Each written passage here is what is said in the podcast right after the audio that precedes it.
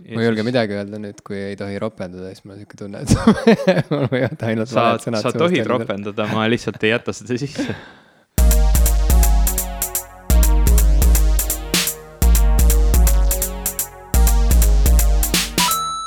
tere, minu nimi on Ivo Krustok.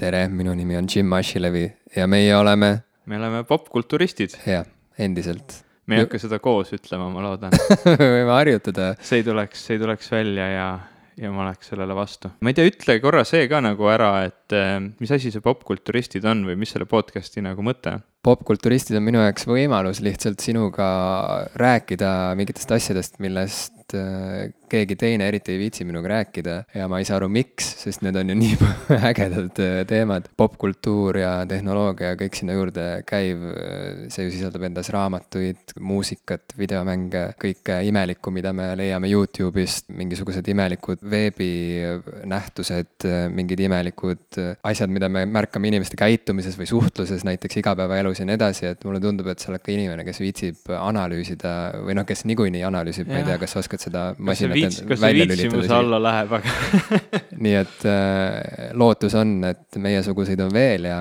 neil on lihtsalt hea meel aeg-ajalt panna meie hääled endale kõrva ja mõelda koos meiega kaasa nendel teemadel. see on ju asi, mida meie sinuga mõlemad naudime niikuinii ja see šanss on päris suur, et äh, keegi teine viitsib ka, sest et äh, tegelikult juba ju esimese osa vastukaja oli üllatavalt kuidagi no, positiivne. jah, jah, ma pean, ma pean täitsa, ma olen natukene nagu pahviks löödud äh, selles mõttes, et äh, nagu sa ütlesid, et loodetavasti neid inimesi on veel, aga äh, enne kui ma lindistama hakkasin, ma vaatasin, meil on üle kahesaja kuulamise ainuüksi juba SoundCloudis ja ja, ma ei, ma ei tea, sest natuke piinlik on öelda, ma, ma pean selle tehnilise poolega natuke rohkem tegelema, näiteks meil ei ole veel statistikat selle kohta, kui palju iTunesist on kuulatud või läbi meie, meie RSS feed'i, et, et tegelikult neid võimalusi meid kuulata on palju ja kui teil tekib veel soovitusi ja mõtteid, kirjutage meile. ja, ja seda, seda võib öelda ka teemade kohta, et meil on juba mõned kirjad tulnud väga, väga armsad ja, ja inimesed, inimestele meeldib vist, vähemalt nendele, kes kellele meeldib. jaa, ei siiamaani on kõik olnud väga üllatav,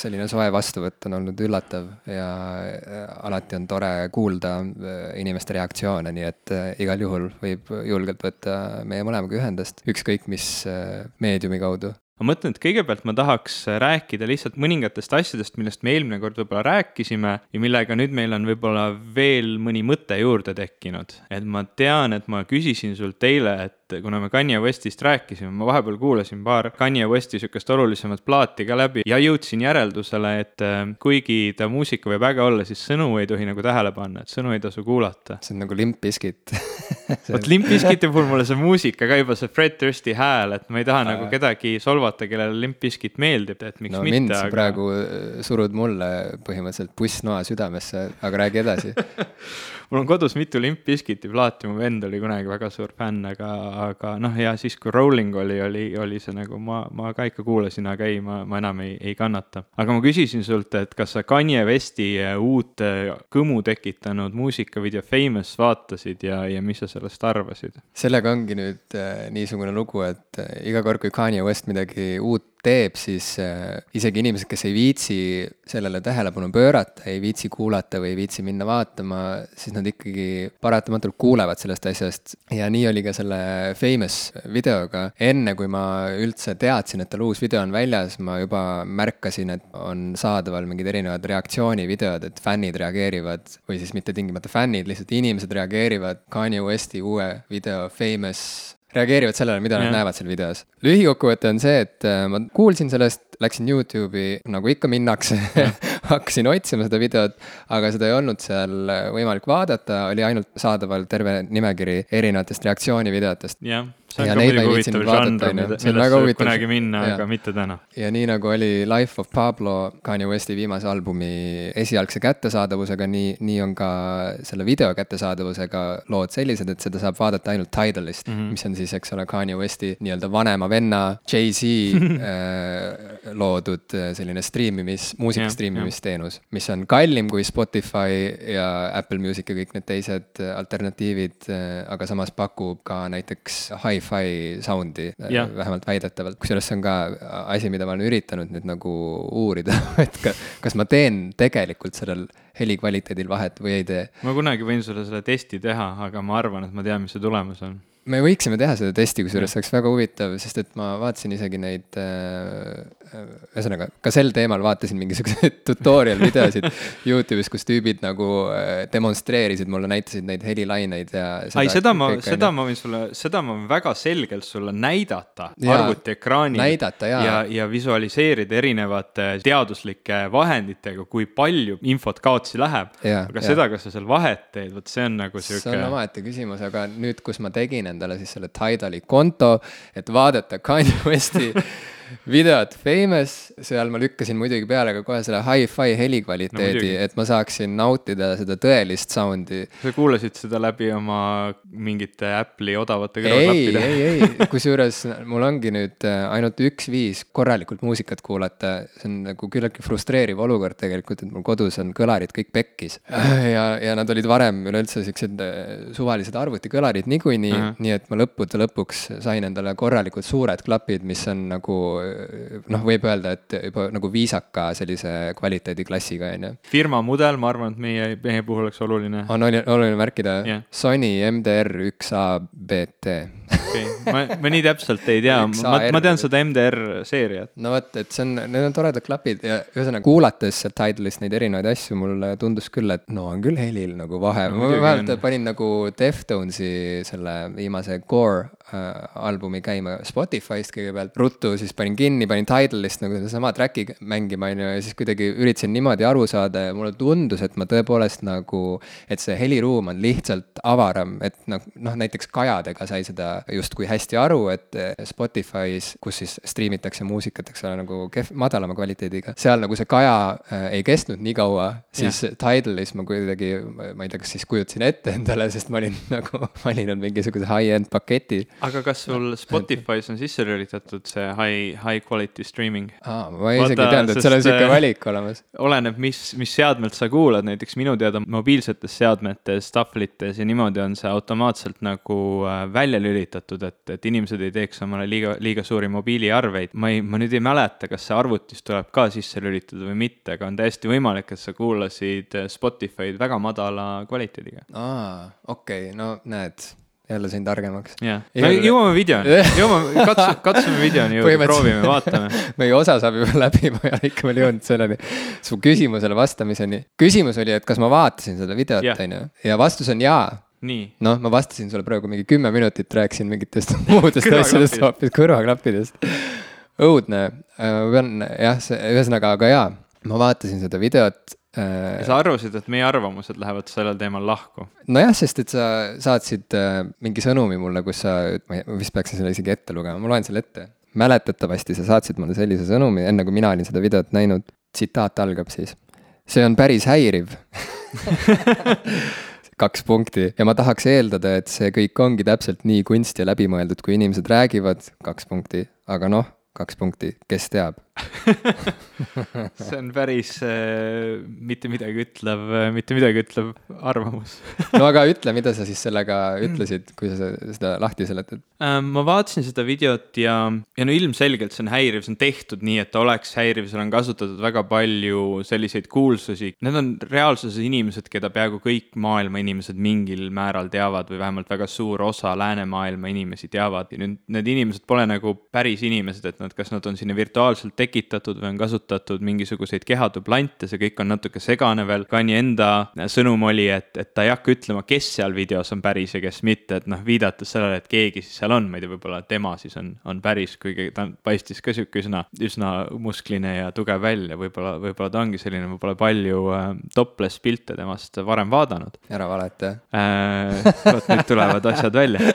aga kui ma seda nagu video vaatasin ja lugesin neid erinevaid analüüse, mida siis Kanye Westi fänn fännid, äh, sest noh, huvitav on ka nagu seda poolt, et kuidas siis fännid tõlgendavad seda, et meedia reaktsioon oli küllaltki negatiivne. muidugi, et noh, et, et nagu halb maitse on panna inimesed alasti äh, olukorda, kus äh, kus nad tegelikult noh, päriselt ei ole, et näiteks Taylor Swift on seal niimoodi peaaegu üle keha alasti, kuigi jah, jällegi see pole tegelikult Taylor Swift, et on mingid kehadublandid või, või mingi arvutigraafika. Ja et noh, see on nagu maitsetu, see on tähelepanu tekitamiseks, see siin juba räägitakse, kuidas kõik hakkavad kohtusse kaevama, seal on Donald Trump ma ei tea, president Bush vist oli veel, ühesõnaga, see on nagu sihuke väga segane värk. ja fännid on seda kõike tõlgendanud, viidates siis mingile kuulsale kunstnikule, kelle mul kahjuks nüüd ei tule nimi meelde, aga kes oli teinud siis niisuguse maali, kus samamoodi olid hästi palju inimesi kõik niisuguses ühes pikas voodis ja, ja justkui nagu see Kanye vihjaks sellele maalile, nagu ma aru sain, ma jällegi noh, podcast on niisugune värk, et ma ei hakka isegi teesklema, et see, mida ma siin räägin, on alati faktuaalselt korrektne, et ma tahaks, et see oleks, aga ma ei saa seda garanteerida, nii et ärge, ärge võtke mind,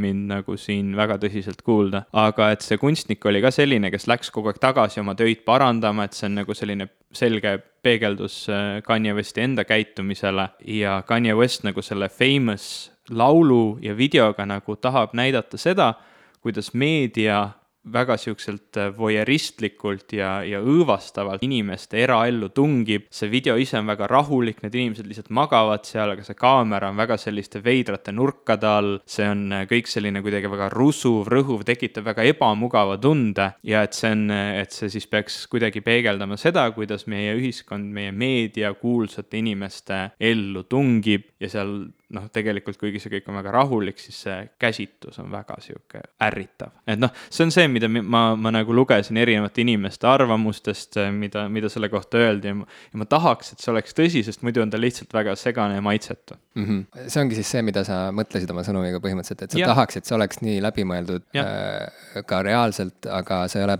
päris kindel, kas see ikka tegelikult nii on, et äkki see on kõik lihtsalt sõnavaht, mis on sinna ümber loodud siis. no vot, see on see kunsti tõlgendamine, eks ole, et igalühel on võimalus ja ja, õigus ja tegelikult ka noh, see on nagu ka õige, et igaüks tõlgendabki kunsti täpselt nii, nagu ta seda ise, ise näeb ja soovib ja, ja see kunstniku tõlgendus on lõppkokkuvõttes ainult üks selle vorme. täpselt sama valiidne on tõlgendada seda videot kui maitsetu rämps, kui seda, et võtta sinna taha ja kirjutada, eks ole, doktoritöö sellest, millised mõjutused seal on lõppkokkuvõttes mm. -hmm võib-olla kuulajale, kes ei viitsi teha endale Tidali kontot selle jaoks, et vaadata seda videot. kuidagi sai äh, vist, kas Paris Hilton või keegi jagas seda oma blogis ja mingi link liigub ringi, kust seda on võimalik vaadata. ai kui põnev, see on nagu. mina vaatasin seda mingi lingi kaudu igatahes Need on nagu mingid interneti varasemad ajad, kus ja. mingi link liigub ringi ja ma ma, ma ei taha, ma ei taha kindlasti propageerida seda, et inimesed peaksid otsima seda video kuskilt võrgustikest, mida ma ei hakka nimetama, mis võimaldavad inimestel vahetada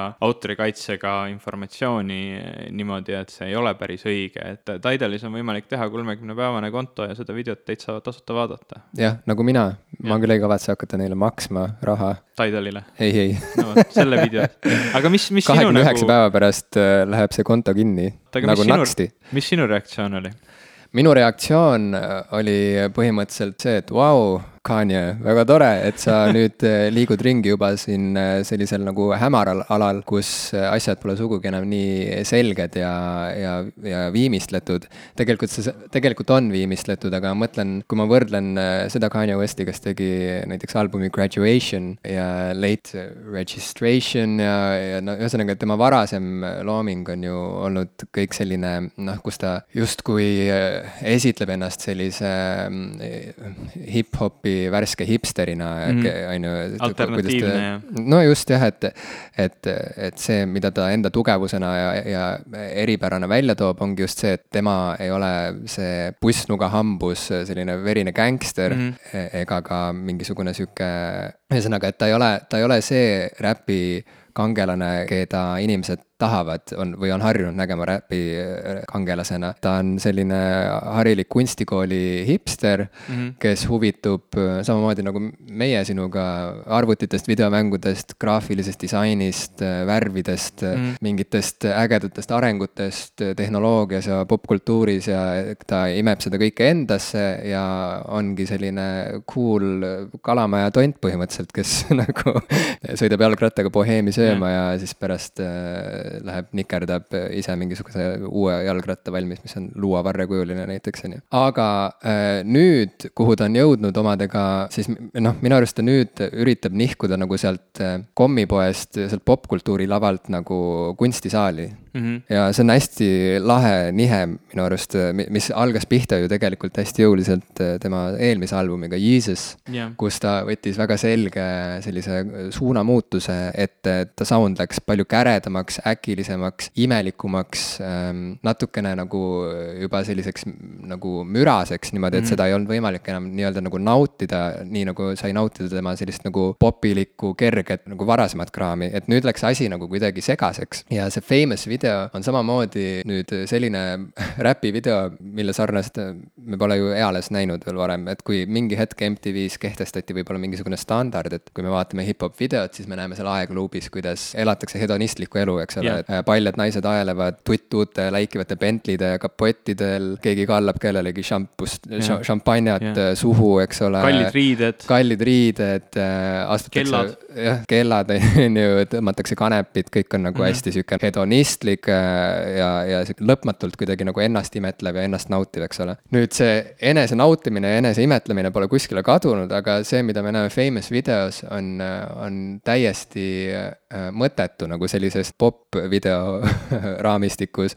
me näeme lihtsalt. popp-video raamistikku selline nagu peaaegu enam ei eksisteeri, sest esiteks ei ole MTV-d ja, ja nüüd ongi nagu see uus, uus raam ongi kunsti tegemine, et me eelmine kord mainisime Beyonce'i ka, tema on ka väga selgelt selle suuna võtnud, samamoodi nagu Lady Gaga ja, ja mitmed teised artistid, kes siis noh, nagu see video ongi järjekordne viis mitte oma muusikat promoda, vaid oma kunsti väljendada mm,. aga Kanye on seejuures nagu häiriv nüüd ja see, see nagu äratab minus huvi, äh, sest et see on ilmselgelt juba nüüd nii segane värk, et see, ühesõnaga, et inimesed nagu ei teagi nagu, et kust otsast seda nüüd hammustada et, et ja, ja see on nii äge, sest et tegelikult, kui ma läheksin Kumusse ja vaataksin seda videot, siis ma absoluutselt ei kirtsutaks nina selle peale, see tunduks mulle no, nagu, et, et see on õige, see on täiesti omal mhm. kohal mm, -hmm. aga see ongi nagu äge, kui inimene häkib oma sellisesse nagu turvalisse süsteemi sisse järsku mingisuguse võõra elemendi ja see, mida ma seal Famous videos nägin, oligi tegelikult suuresti see, mida sina kirjeldasid mm -hmm. oma loetu põhjal. ma ei olnud niipidi seda sõnastanud enda jaoks, aga mida mina nägin seal või mis analoogia mul tekkis, oli see, et äh, esiteks ilmselgelt see räägib kuuluse kultusest, eks ole, mis on alati olemas olnud, vähemalt nii kaua, kuni on ole, olemas olnud popkultuur. ja tegelikult ju me ei näegi seal muud midagi kui seda, et äh, paljud inimesed, kes äh, on kõik kuulsad või näevad välja nagu väga sarnased mingitele mm -hmm. kuulsustele, magavad ühes väga-väga laias voodis reas paljalt. Yeah.. ja ongi kõik, midagi muud ei toimu. Põhimõtteliselt. Ja, ja, ja, ja kaamera siis niimoodi lendab, eks ole, niimoodi natukene nagu uurivalt, natuke nagu mingisugune süvaveekaamera yeah.. uurivalt niimoodi hõljub üle nende kehade, üle nende keha kumeruste ja kuna see pildi kvaliteet on selline nagu säbruline ja, ja, ja ebakvaliteetne. vot sealt tulebki see voyeuristlik kuidagi selline aspekt. meenutades mingit vana VHS tehnikat või Hi8 tehnikat või midagi, et see juba tekitab õõva, eks ole, ja see, kuidas need inimeste ihud nagu läigivad seal ja kuidas nad norskavad ja nohisevad. see kõik toob juurde sinna mingisuguse sihukese nagu mingi ihulisuse, mis on natukene nagu vastik. et, et me oleme nagu mingid rõvedad kärbsed, kes lihtsalt nagu niimoodi hõljuvad nende magavate kuulsate kehade kohal ja analoogia, mis mul tekkis, oli see, et see on ju natukene nagu, kui me oleksime pääsenud pääsenud mingisuguse vaarao varem avamata sinna hauakambrisse mm. -hmm kus siis äh, magab see muumia juba neljatuhandendat aastat ja, ja nüüd me siis nagu tulime sinna tema und segama ja tulime jõllitama. ja, ja mida me siis loodame sealt äh, saada või, või mm, -hmm. või, või näha, mitte midagi ju et, et me lihtsalt näeme seda lihasmassi, me näeme seda ihu aga see ihu ei ütle meile nagu mitte midagi. see ihu on mõnes mõttes nagu, nagu mingisugune tühi lõuend, kuhu me projitseerime oma ihasid mm, -hmm. oma mingisuguseid soove ja ettekujutusi sellest äh, inimesest, aga see, mis, mis see inimene tegelikult on, seda me ju teada ei saa.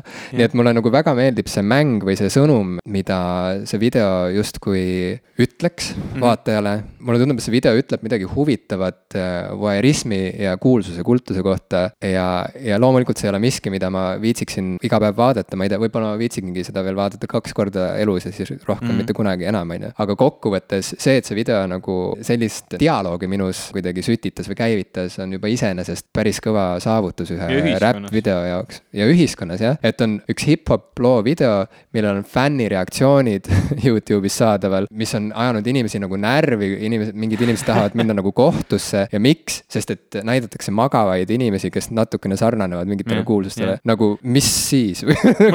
Kus see tundlikkus on nüüd, on ju, kus see tundlikkuse aste on? mulle ei meeldi see laul äh,, mulle ei meeldi see video väga, aga mulle meeldib see mõte, mulle meeldib see, see tõlgendus ja see, see nii-öelda suund ma sellega olen nõus aa, kas sa oled nüüd minuga siis ühes paadis? ma ei tea, kas me olime kunagi erinevas paadis, ma ei oska, ma ei oska jällegi äh, Kanye Westi puhul ennast kuhugi paati panna, et äh, ma, mulle ei meeldi tema sõnad, tema produktsioon on huvitav, aga kindlasti minu jaoks mitte nii huvitav, et ma ju- julgeksin teda iga plaadi pärast järjekordselt muusikaliseks äh, geeniuseks või geeniusprodutsendiks nimetada.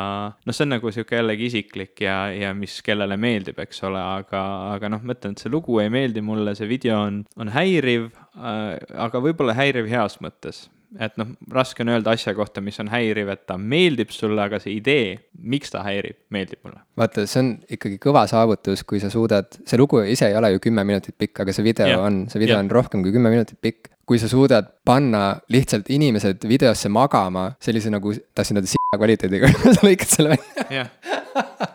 ühesõnaga, me vaatame mingit täiesti nagu ebasensuaalset pilti natuke nagu inetutest, natuke higist läikivatest, magavatest, nohisevatest, norskavatest inimestest kümme minutit järjest. jah, ja see on mingisugune klipp, mis on ajanud siis nüüd popkultuuri fännid nagu tagajalgadele no see on ju omaette saavutus, et sa suudad jah. panna inimesed nagu mina, ma, ma teen endale Tidalisse konto, et seda jumalast et näha. vaadata seda kümme minutit järjest, et äh, selles mõttes arva, mis sa arvad Kanye Westist, aga ta on suurepärane selline nagu trikster, promootor Jah. ja turundustalent.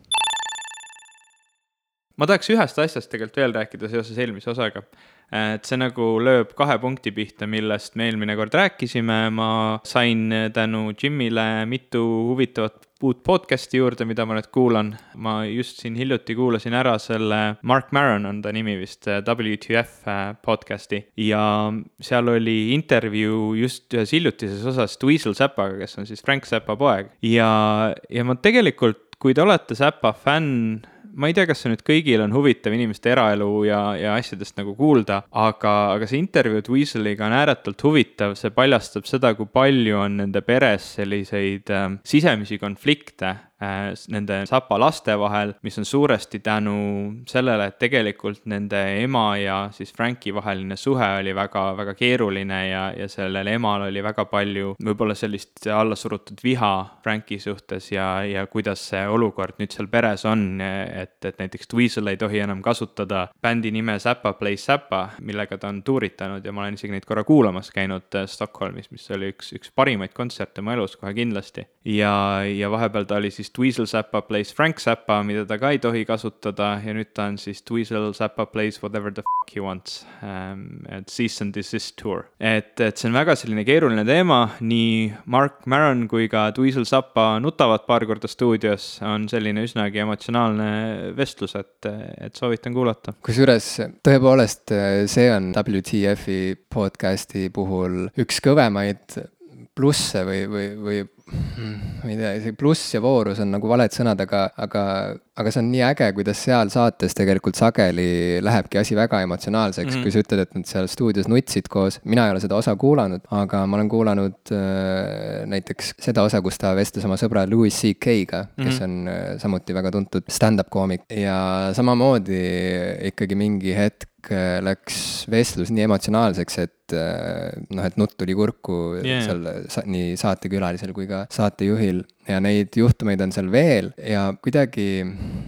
noh, minu arust see ongi see, miks on nagu hea kuulata inimese häält enda kõrvas Mm -hmm. et vaata, kui sealt kaob ära see nagu poos ja see maneer ja kui sa järsku satud peale millelegi väga ausale ja, ja nagu kuidagi nagu Intensiivsele siis see on lihtsalt nii äh, kuidagi oluline asi, mida kogeda, sest mulle tundub, et äh, et ühesõnaga, ma ei tea, ma ei teagi, kuhu ma tahan sellega jõuda, põhimõtteliselt, et et see on see, mida ma imetlen selle podcast'i puhul, kuidagi see alasti emotsionaalsus Mm -hmm. ja, ja ma tean, et Mark Maron alati kuidagi põeb selle pärast ka, et kui mõnes osas ei õnnestu see emotsionaalne avanemine no nii vot, väga siis ta natuke muretseb pärast, et kas ikka nagu tuli hea saade või ei tulnud, et uh. -huh. et ta ju kohtub tegelikult seal sadade inimestega yeah, no muudkui neid osasid on nii Neid palju. osi on üle seitsmesaja vist nüüd juba mm. -hmm. nii et järelikult ta on kohtunud noh, ligi seitsmesaja inimesega, mõnega neist on teinud mitu osa, mõnes saates on kaks inimest vist kogu aeg, et see läheb nagu veel suuremaks asi. et, et siis iga kord äh, nende kõigiga nutta stuudios võib-olla läheb paljuks,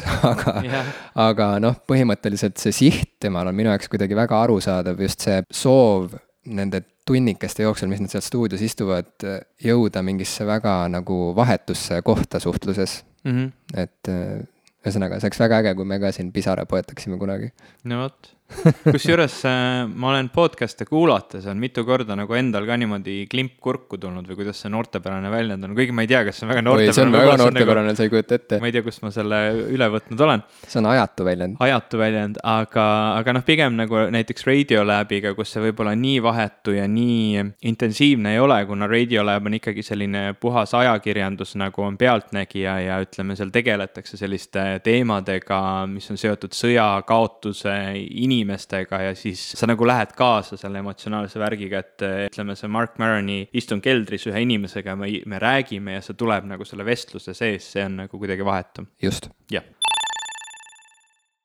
me mõtlesime täna ikkagi, et me võtame mingi teema ka natuke selgem eh, ja ma tahtsin, et see teema oleks lugemine ja kirjutamine. Eh, sellepärast, et ei ole väga palju võimalusi elus, minul ilmselt ka kõikidel kuulajatel või üldse inimestel rääkida inimesega teemal, milles tema on väga pädev. Eh, ütleme, kirjanduse teemal rääkida kirjanikuga on ikkagi minu jaoks väga, väga oluline, sest ma püüan alati, kui ma räägin kellegagi, leida teema, milles see teine inimene on minust palju targem ja, ja pädevam ja nagu see, selles ka siis ennast nagu täiustada ja, ja saada ise targemaks, sest väga väike motivatsioon on vestelda niimoodi, et noh, sa ei saa sealt ise midagi. noh, alati saab teise inimesega vesteldes midagi, aga, aga see on jällegi sihuke minu jaoks kohe nii palju põnevam vestlus, kui minuga räägib ekspert. ma ei, ma ei tea, kas sa iseennast julgeksid nimetada eksperdiks kirjandusalal, aga on tõendeid, mis viitavad selle poole? ma ei ma ei, ma ei pea endast mõtlema üldse mingit pidi,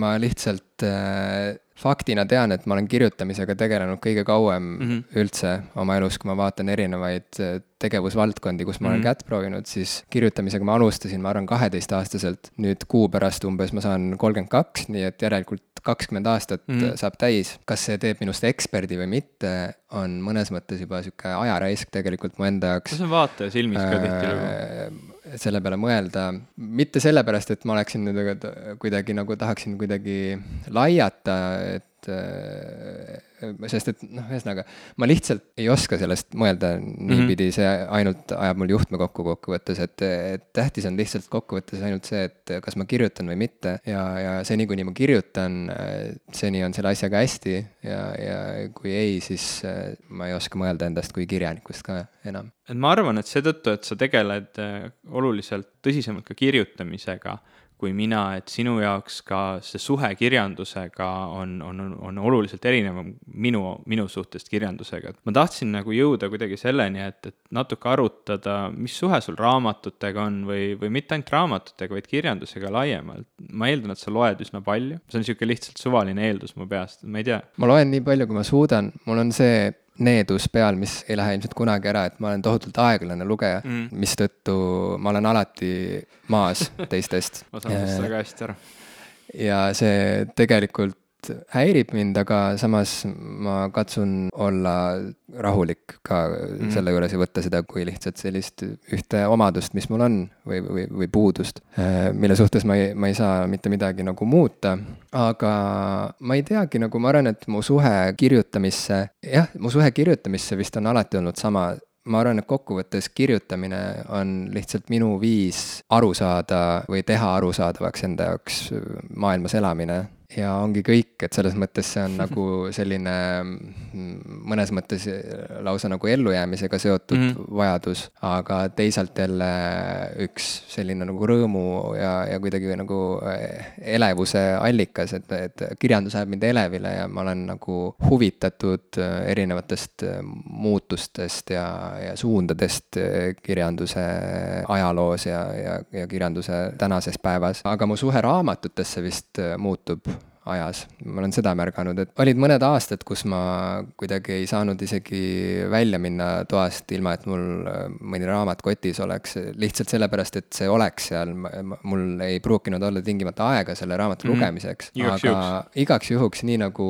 inimestel on imelik tunne minna ilma telefonita õue, eks ole, et nii oli mul äh, raamatutega, et mis siis, kui mul tekib järsku mingi tühi auk, on ju, jään sinna tänavanurgale passima, et siis oleks ju jube hea võtta see raamat välja ja hakata kohe lugema, eks ole et, et ta oli mõnes mõttes nagu mingisugune kaaslane. nüüd mul enam vist seda vajadust nii väga ei ole, et mul nagu tingimata kogu aeg peaks olema mingisugune raamat kaasas, sest et äh, see infotulv Äh, mis äh, meid iga päev üle -hmm. ujutab, on lihtsalt kasvanud nii suureks võrreldes nende aegadega, kus veel ei olnud nutitelefone. no me kõik tegelikult loeme ju meeletult palju rohkem et... kui kunagi aeg tagasi, et kui inimesed räägivad kuskil meedias alati, et inimesed ei loe enam, et see on minu jaoks täiesti absurdne, sest me passime hommikust õhtuni ekraani ja ainult loemegi, me, me ja. räägime kuidagi vähe. et äh, lihtsalt see võib-olla ei ole see asi, mida nemad tahaks, et inimesed loevad. just, ja nüüd ongi minu äh, suhe kohe lugemisse muutunud selliseks, et ma katsun vähendada seda info hulka. nii et kui ma varem nagu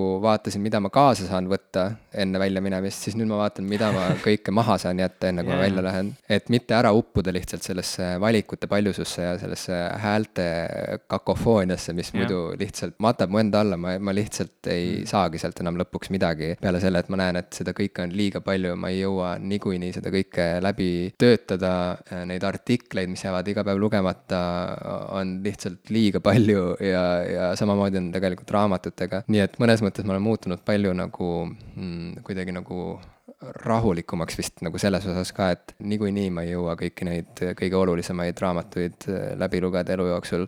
hea, kui satub kätte midagi kihvti, siis ma tunnen selle üle rõõmu, aga kui ei satu, siis äh, noh, siis lihtsalt võtan mingi järgmise asja, et, et, et ma ilmselt ei suhtu enam nii hardalt mm -hmm. sellesse kõigesse. aga mida sa loed, kui sa loed? ma katsun lugeda võimalikult palju erinevaid asju tegelikult, sest et ma mäletan, et kunagi, kui ma olin nagu selline nagu kirjaniku õpipoiss äh,, lugedes hästi palju kirjutamise põhitõdede ja printsiipide kohta internetist ja äh, konnates oma lemmikautorite foorumites ja nii mm -hmm. edasi, kirjutades oma lemmikautoritele ja, ja nii edasi, et, äh, et siis ma panin kõrva taha üht-teist ja ma mäletan, et üks tarkusetera, mida ma endaga kaasa võtsin, oli see, et äh, lugege raamatuid, mis ei ole otseselt teile mõeldud mm. -hmm. et, et kui muidu inimesed jäävad ju oma mullidesse niikuinii kinni enamjaolt, äh, noh, ühesõnaga, et kui sa oled näiteks mingisugune, no muusikast on lihtsam tuua mingi analoogia, kui sa oled nagu räpimees, sa kuulad räppi, on ju, kui sa oled nagu metallimees, kuulad metallit ainult, on ju. et sihilikult hakka lugema näiteks mingisuguse feministliku, kuuekümnendate feministi nagu mingisugust traktaati, on ju, või siis mm -hmm. nagu sihilikult võta ette mingisuguse hiinlase, äh, on ju, mingi memuaar mm -hmm. sellest, kuidas ta töötas kuskil, ma ei tea, Apple'i tehases. et ühesõnaga, noh, aja nagu need tundlad nii laiali, kui sa saad, sest et ainult see tegelikult avardabki sinu seda, noh, sõnavara ka niikuinii, aga, aga avardab sinu nagu maailma ja tegelikult see seostub hästi otseselt ka ühe kõige olulisema olulisema tarkuseteraga, mille ma teatrikoolist üles korjasin. selle poetas mulle pihku õpetaja Kalju Komissarov, kes samamoodi kuidagi manitses meid, et, et lugege raamatuid, lugege rohkem, on ju, lihtsalt nagu istuge maha ja lugege raamatuid, inimesed, on ju, et, et ma saan aru, et te olete kõik siin väga andekad ja kõik on jube hea huumorimeelega ja karismaatilised ja laulavad hästi ja nii edasi, aga inimene saab mõelda ainult sellest, mida ta teab mm. -hmm. nii et järelikult, kui sa tahad olla laval huvitav näitleja ja näitleja ju peab olema empaatiline, ta peab yeah. olema sisseelamisvõimeline järelikult ta peab olema suuteline nagu astuma teise inimese kingadesse, kes ei pruugi üldse olla temaga sarnane, siis selleks, et nagu üldse omada seda, et olla üldse võimeline sirutuma nii kaugele, et sa kuidagi suudad ennast nagu panna mingi hoopis teise inimese kingadesse, sa pead teadma rohkem maailma kohta ja, ja noh, Kalju ütleski nii, et kui su teadmised on hernetera suurused, siis sa eladki hernetera suuruses maailmas mm. -hmm. inimene saab mõelda ainult sellest, mida ta teab ja see on hästi tark lause ju tegelikult, et, et täpselt nii ongi, sest et no ühesõnaga on ju nii harilik äh, ah, ma jään nii pikalt, ühesõnaga ma ei viitsi isegi sellest rohkem no, ma, rääkida. ma saan sellest täitsa aru. aga et, et, et see, kui sa küsid, et mida ma loen, siis mm. natukene see on minu kompass ka, et ma katsun nagu krabada riiulist midagi, mida ma varem pole lugenud mm., sest et kui ma varem olin hästi sihuke truehead äh, X-põlvkonna kirjanike lugeja, Ameerika ja Inglismaa X-põlvkonna ja Kanada X-põlvkonna kirjanike natuke fänn. ütlema, mis see X-põlvkonna kirjanike nii-öelda, no mida see nagu endas, endas tähendab või mis? no tead, see põlvkondade teema on niikuinii on ju väga sihuke hägune värk ja ma sada protsenti ei usu. too mingi sellesse. tugev näide ma ei tea, kas see on nagu On the road again või, või, või On the road. On the road, ei, ei, ei, On the road, see on nagu Beat Generation. jaa, okei. Need on, need on beatnikud, aga X-põlvkond on siis põhimõtteliselt äh, praeguseks oma viiekümnendates eluaastates olevad okay. Okay. äh, sellised äh, vihased äh, enamjaolt mehed mm, Mhm. -hmm. kes äh, hakkasid üheksakümnendatel äh, laamendama, samamoodi nagu muusikaskenel hakkasid laamendama krungebändid jaa. kõik see müra, on ju, ja nii edasi. see analoogia muusikaga alati mulle toimib. mulle ka väga hästi. kohe nagu klikib paika. no et, et kirjanduses huvitas mind samasugune selline mm Mhm. -hmm. nagu kaheksakümnendate, üheksakümnendate sihuke nagu mäss. Aga, aga ma arvan, et see muutus äh, siis, kui ma kuidagi olin piisavalt läbi imbunud sellest kõigest juba ja siis hakkas mind huvitama ka muu see on väga hägune vastus, aga põhimõtteliselt mm. jah, et, et ma ka katsun leida vahepeal asju, mida ma tingimata, mille, mille puhul ma tingimata ei tea, et see mind võiks kõnetada või et see võiks olla nagu äge ja mulle väga meeldib see vastus, noh, ma nagu ise tahaks olla võib-olla rohkem selline inimene, nagu sa kirjeldasid, et kui ma muusika puhul olen väga eklektilise maitsega, ma tõesti püüan leida asju, mis minu definitsiooni muusikast laiendaksid, annaksid mulle uusi inspiratsiooni ideid, asju, mida iganes, siis raamatutes. Ma olen väga spetsiifiliste žanrite, spetsiifilist tüüpi raamatute lugeja. Ja ma tahaks nagu, et see oleks laiem. Ja ma täiesti olen nõus sellega, et samamoodi nagu kõige paremad kritiseerijad tunnevad oma vastast teavad oma vastasest võimalikult palju, eks ole, ükskõik, mis see idee on, kas see sulle meeldib või, või mitte, kas sa oled sellist tüüpi kirjanduse poolt, kas sa oled selliste ideaalide, mõtete poolt, mida rohkem sa sellest tead, seda rohkem sa seda mõistad, seda paremini sa suudad seda analüüsida, ka enda jaoks selgeks teha need asjad, mis sulle meeldivad ja mis mitte. ja ma nagu tõesti noh, mõtlen sellele, et kui ma tean näitlejate õppest, noh, ma ei ole ise kunagi näitlejaks õppinud, mul on mitu tuttavat ja sõpra näitlejaks õppinud, ma tean, et see ei ole selline periood sinu elus, kus sul on palju aega lugeda see, see, see ei ole nagu see aeg, mida sa kulutad, iga asi on nagu küllaltki väärtuslik ja selles mõttes minul, kus mul on nagu meeletult palju aega lugeda, ma tihtilugu ei kasuta seda. ütleme, õhtuti tuled koju, noh, see on jälle seesama, päevad sa ekraani passinud, noh, lõpptulemuses ikka passid seda ekraani, aga, aga ma ei tea, ma mängin mingit mängu, mängin mingit pilli, vahin mingit videot ja siis ma õhtul, eks ole, mõtlen veel voodisse pikali heits, et nüüd võiks natuke lugeda, siis vahel ma loen, aga, aga jällegi tihtilugu ma panen mingi vana osa Futuraamat või Simsoneid mängima või midagi, mis ütleme, tühjendab aju või kuidagi valmistub selleks reboot'iks, et mul ei oleks nii palju neid mõtteid enam peas, et ma olen selle reaktsiooni oma pähe ära teeninud, nüüd läheb see multikas peale, ma juba tunnen nendest esimestest nootidest haigutust tuleb ja ma kukun kohe ümber. et kui ma jällegi võtan mingi hästi põneva raamatu, siis ma ei, jää päris pikalt magama, sest ma tahan seda lugeda või need mõtted jäävad mul pähe keerlema. aga jah, ma nagu tahaks, tahaks rohkem enda jaoks seda, aga ma olen ka sihuke aeglane lugeja mul naine kõrval loeb kümnetes raamatutes, kogu aeg läheb järjest raamat, raamat, raamat, räägib mulle, kui põnev see on, too on. mina ikka istun täpselt sama viie-kuue raamatu otsas, mida ma olen lugenud viimased pool aastat ja, ja see on nii tuttav teema mu jaoks ja tegelikult äh, ma arvan, et me oleme ka selle koha pealt sarnasemad, kui sa võiksid arvata, sest et see, mida ma sulle kirjeldasin oma lugemisharjumuste mm. kohta, see on minu ideaalmina Yeah. tegelikkus on palju nagu lihtsam et äh, tegelikult on samamoodi, et äh, ma ei loe sugugi nii palju, kui ma ette kujutan, et ma Mm. võiksin ja tegelikult enamasti on kõik muu huvitavam kui lihtsalt üksi raamatute Mm. mm. mahaistumine. ma pean sageli nagu distsiplineerima ennast, et äh, võtta raamat kätte tegelikult, et käib mingisugune sihuke enesepiitsutamine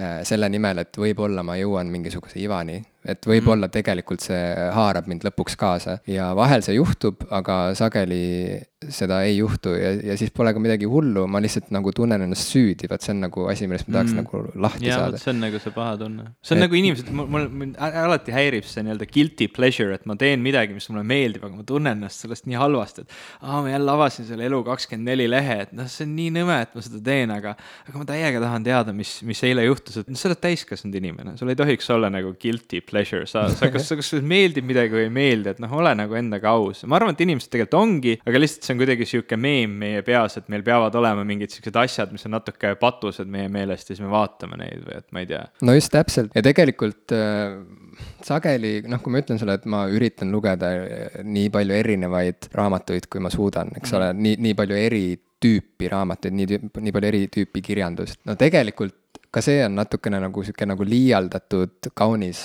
vastus, sellepärast et äh, sealjuures peab ikkagi olema mingisugune ligitõmbav element minu mm. jaoks ka ja, ja enamasti see ligitõmbav element on see, et käib mingisugune sumin selle asja ümber. see on see, mis mind ka nagu ligi tõmbab, kui käib mingit sorti sumin selle asja ümber, kui sellest räägitakse, kui selle kohta on mingisugused nagu kõlakad, on ju.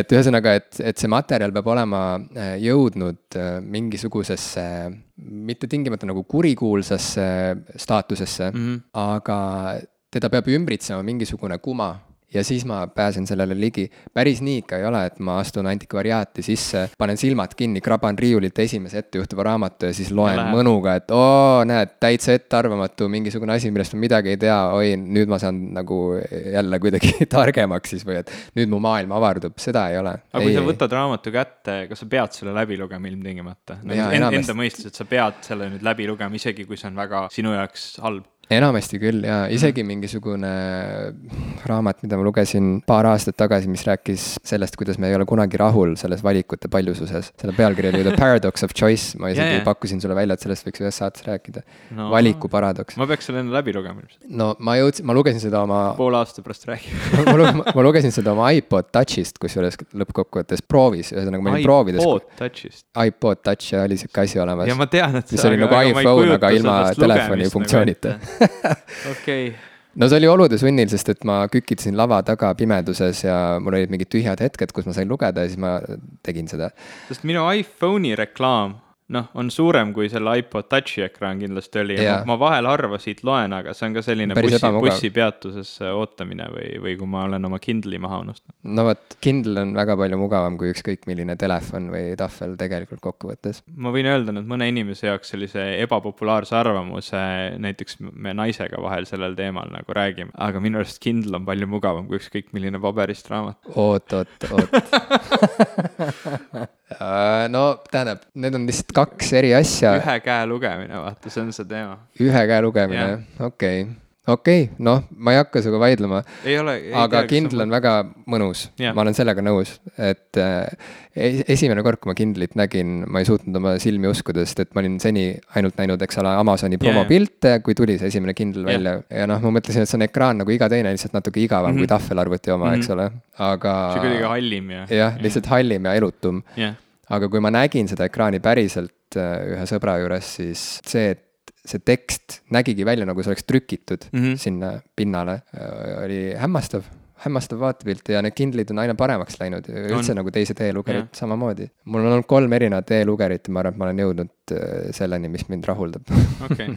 aga tead, me jõudsime ilgelt pika kaarega äh, e-lugeriteni juba, ma tahtsin lihtsalt öelda seda, et see par Paradox of Choice on mul nüüd vist nagu kaks aastat äh, olnud pooleli, võib-olla isegi rohkem. sest mul jäi lõpust võib-olla mingisugune kaksteist protsenti lugemata sellest raamatust ja saad aru, mul siiamaani kripeldab see no vot jah. see ütleb midagi minu lugemisharjumuste kohta ka, ma arvan, et, et ma tunnen jah, justkui nagu mingisugust nagu sundust ikkagi vedada lõpuni välja, sest et äkki see on lõpuks seda kõike väärt. ma vaatan oma raamaturiiuli poole praegu, mis meil on hästi kenasti siia elutuppa oma abikaasa poolt eh, ehitatud ja see on nagu, see on nagu surnuaed raamatutest, mida ma olen alustanud eh, et mul on nagu tihtilugu, et vahel isegi põnev raamat, kui ta mingi hetk hetk, ühesõnaga ma tean, et see raamat on mulle kasulik, üks sihuke raamat oli Moonwalking with Einstein, äh, mis räägib äh, mälumetoodikast, et kuidas sinu aju, kuidas mälu töötab ja kuidas oma aju petta selleks, et paremat mälu saada või noh, ütleme, mis on need igasugused taktikad, igasugused aju või ütleme, ajupaleed või kuidas neid kutsutakse, mälupaleed, mis sa omale siis pead looma selleks, et mäletada asju hästi ja ma olen selline inimene, kellel on tihtilugu mäletamisega probleeme. Õnneks on nüüd olemas nutitelefonid, ma ei pea enam nii palju mäletama, ma kasutan igasuguseid listi äppe, note'ide äppe, noh, mida iganes. saad mõnusalt lasta oma sellel viimaselgi mälu natukesel hääbuda lihtsalt. tundub nii, jah. Äh, noh, ma ei tea, kas ta hääbub ka, aga ütleme, paremaks ei lähe. aga see, see mälu treenimine, see ei ole ka nagu selline, et inimesed kujutavad ette, et sa nüüd äh, treenid mälu, et sa kasutad mälu rohkem ja su ajul kuidagi nüüd läheb musklisemaks ja on nüüd, nüüd parem mäletamises, vaid pigem sa lood raamistiku, milles mäletada. ja, ja see Moonwalking with Einstein rääkiski nende raamistikude loomisest ja ma lugesin seda, see oli päris huvitav, aga ta lihtsalt jäi mul pooleli mingi hetk nagu see, selle raamatu vastu see huvi kadus ära ja, ja nüüd ta ongi jäänud, isegi ma ei tunne nagu ennast väga halvasti, et ta on pooleli jäänud. ja nii on tegelikult mitme raamatuga, mõnega ma tean kindlalt, et seda ma pean lõpuni lugema, see on lihtsalt nii põnev, tahan seda jätkata, aga ta on jäänud mingi teise uue põnevama raamatu tõttu kuidagi seisma. Ja siis see on seisma jäänud ja, ja järgmine tulnud, et noh, ma tean, et mul on mingi hunnik, Kindle on selles mõttes nagu jube hea asi, mul on ta kaasas Äh, ma, mul tekib hetk, kus ma loen ja nüüd mul on tegelikult valik mitmest raamatust, mis mul pooleli on, et mi-, mida nüüd jätkata. Mul, mul nagu läheb nii pigem. vaata, Kivisildnik armastab karistada ja, ja kuidagi manitseda eks ole, ja, ja ta on kirjutanud mitmeid erinevaid arvamusartikleid mm -hmm. luule kohta, kuidas äh, luule on kõige olulisem kirjandusvorm ja kuidas mm -hmm. inimene areneb, kui ta loeb luulet ja pole viga, kui sa luulet ei mõista esialgu, siis hakkadki otsast peale, hakkad trenni tegema vaikselt ja küll sa, küll sa lõpuks jõuad pärale. see, et ta kasutab sõna trenn, on tegelikult päris õige minu mm -hmm. arust, päris tabav, sest et noh, ma ei räägi praegu tegelikult luulest, ma räägin äh, pigem siis ikkagi nagu proosast, pikematest mm -hmm. tekstidest, aga lugemine lisaks sellele, et ta on mõnu ja, ja, ja selline hea ajaviide mm. -hmm ja hariv ja kõik see on ikkagi ka trenn, minu arvates see on trenn, see on füüsiline trenn. juba see, et sa pead olema paigal nii pikalt, et sa pead nagu kuidagi. ühe asjaga tegelema ainult ühe asjaga mm, -hmm. tõmbama kõik muud segajad äh, vaikseks, panema kõik muu müra kinni. sa ei loe muusikaga? ma olen proovinud kunagi, aga ma olen mm -hmm. selle värgi ära lõpetanud, sest et kokkuvõttes ma siis enam ei naudi nagu kumbagi või see aeglustab mu lugemistempot veelgi tegelikult okay.. Mm -hmm. aga ma kirjutan muusikat kuulates, alati, aga igal see võib ühe, ühe episoodi osa olla. või, või episoodi teema olla. vabalt, aga et, et, et, et kui ma võrdlen, näiteks eile öösel ma ei suutnud magama jääda ja ma mõtlesin, et mida ma teen, mõtted kimasid peas ringi ja nagu, nagu halb tuju oli ja nii edasi ja siis ma võtsin lihtsalt lõpuks iPad'i sülle, tegin Netflixi lahti, hakkasin vaatama House of Cards'i mm. -hmm. ma siiamaani ei ole seda vaadanud, ma tean, et see on šokeeriv mingit tüüpi luge-, kuulaja jaoks, aga ma tegin sellega tutvust eile. Ja vaata, kui ma võrdlen näiteks ütleme lihtsalt Netflixist mingisuguse sarja vaatamist lugemisega, siis need on kaks nii erinevat tegevust, kui üldse olla saab, sest et sarja vaatamine on väga selgelt lõõgastav. Mm, -hmm. isegi kui see on rõve ja ärritav.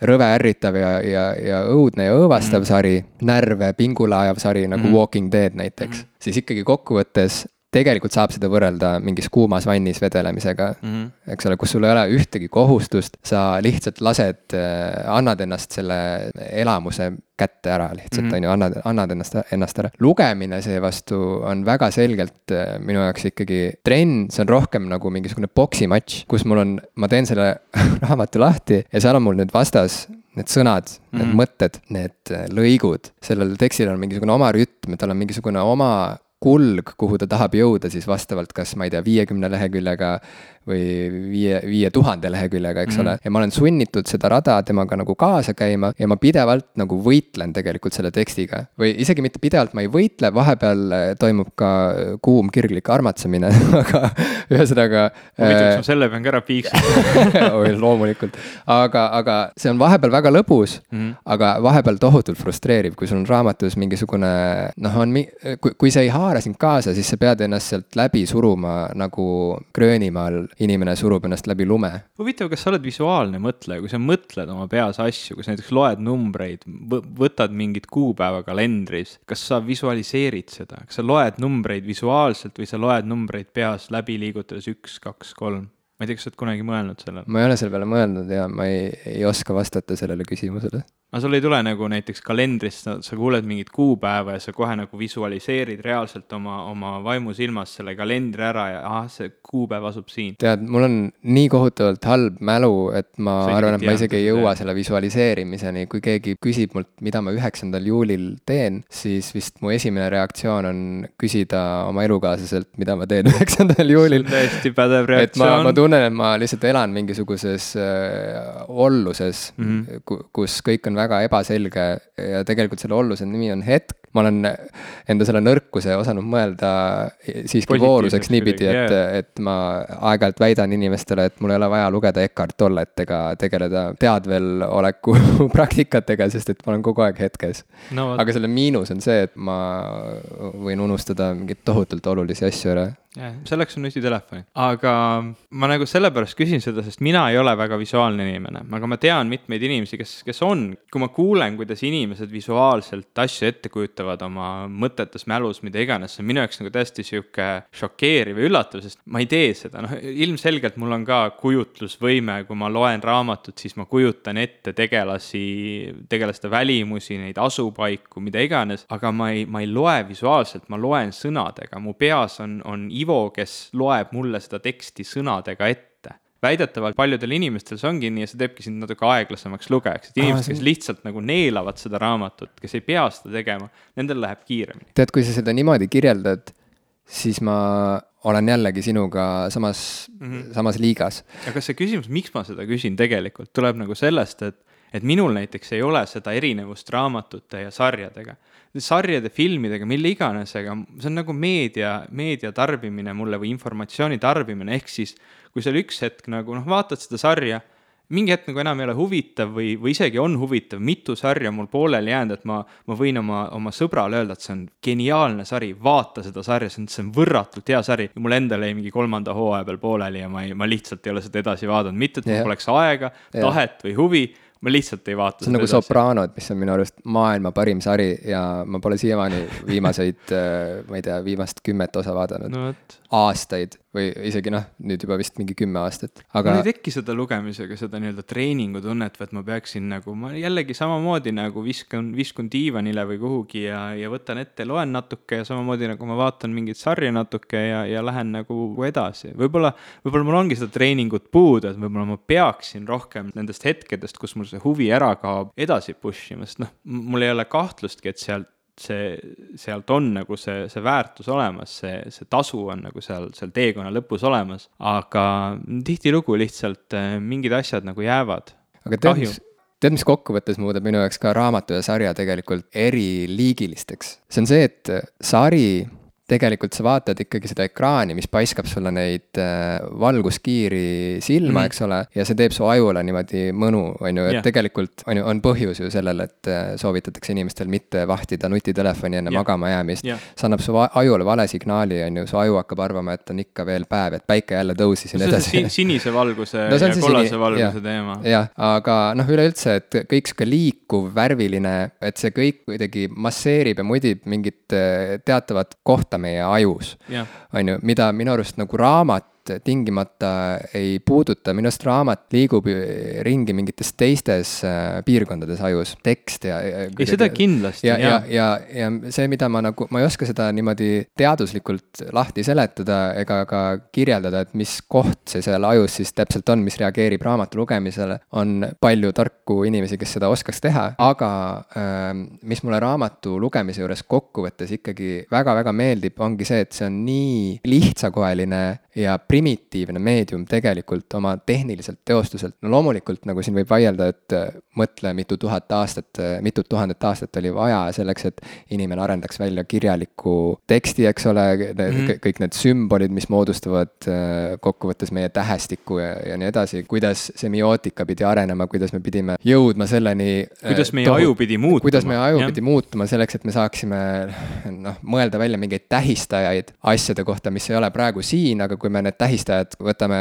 kasutusse, eks ole, et siis me suudame neid asju ette kujutada, me suudame mõelda nendest asjadest, mis ei ole mhm, praegu mm -hmm. siin. et see kõik on ju väga-väga keeruline ja selles mõttes ei saa sugugi kasutada sõna primitiivne yeah.. aga kokkuvõttes, kui me vaatame, mis asi on raamat ja mis ja, ja mida kõike on tarvis selleks, et vaadata ühte sarja mm -hmm. Netflixist tahvelarvutist on ju, et kui sa nüüd mõtled nagu, et kui primitiivne on üks patakas pabereid millel on lihtsalt tindijäljed peal, võrreldes ühe tahvelarvutiga, kuhu striimitakse kosmosest eks ole, mingisuguseid bitte ja baite, mis tõlgenduvad ümber selles masinas, eks ole, selleks heliks ja pildiks ja, ja blablabla bla, bla, bla. kokkuvõttes raamat oma lihtsuses pakub mulle aeglustust ja see on nii väärtuslik asi, eriti praeguses ajas, et ma istun maha selle paberipakiga, mis on lihtsalt tegelikult ju puit et mul on käes see puutükk, mis hakkab mulle jutustama nüüd lugusid mm -hmm. maa, maalt ja merelt.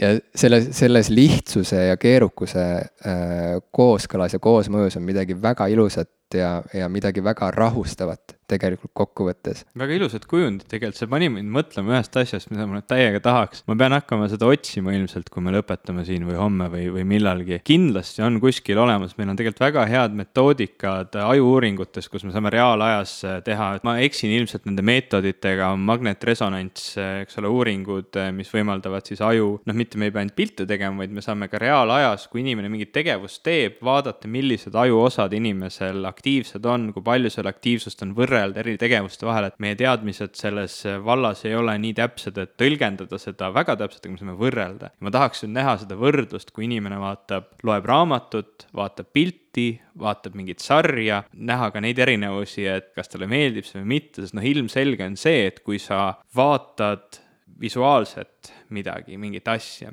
äh, filmi, äh, sarja, siis see hästi palju sellest ettekujutustööst on sinu jaoks ära tehtud, et sa nagu kuidagi tarbid seda, mis seal on. muidugi ajus kindlasti peavad yeah. mingid osad olema, mis kujutavad ette kõike seda ümbritsevat, su aju tegelikult loob väga palju asju ümber yeah,. Yeah. kõigele, mida ta, mida ta näeb ja teeb, aga just see, et et lugemine ikkagi nõuab palju rohkem seda ettekujutus, ettekujutust ja seda, et ma tahaks neid pilte näha, ma arvan, et nad on kuskil olemas. ja, ja sellepärast on ju ka see sõna trenn tegelikult, see võib, see võib mõjuda nagu mingisuguse siukse provokatiivse liialdusena või mis iganes, aga, aga see on trenn selles mõttes, et see sunnib sind, jah, see sunnib sind nagu rohkem kaasa mõtlema.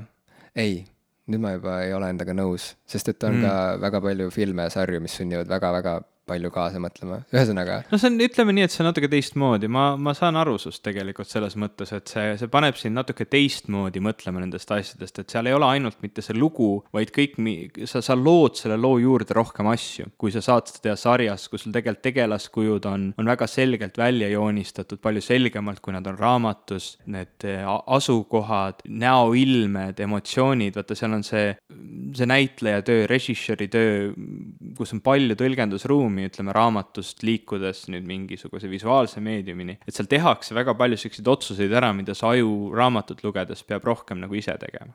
ja võib-olla selle teema kokkuvõtteks minu ja. poolt sobiks hästi tsitaat ühelt Norra kirjanikult Karl Ove Knausgaard. tema ütles, et kirjandus on külm käsi kuumal laubal. ja mulle tohutult meeldib see tsitaat just sellepärast, et ma tunnen, et vähemalt minu puhul on see täpselt nii, et. sihuke hetk, hetk nagu maandust. jah, see maandab, see tõmbab äh, tagasi, vaata, see on, äh, kui tuua mingisugune lihtne võrdlus, siis see ongi see, et kui ma nagu oma igapäevanärvilises äh, elus suudan tõmba, tõmmata ennast lõpuks nii käima ja nii kettasse ja, ja, ja, ja kõike seda, et ma ei tea enam nagu, mida teha endaga ja mida, kuhu joosta ja mida, mida tarbida ja, ja mida öelda. et siis kokkuvõttes kirjandus on see, mis, mis võtab oma suurte tugevate kätega mul õlgades kinni ja lihtsalt lükkab mu niimoodi istuma nüüd siia. et ole nüüd toolile paigal. või diivanile või mis iganes. ja ütleb, et ole nüüd paigal, ole paigal nüüd natuke aega,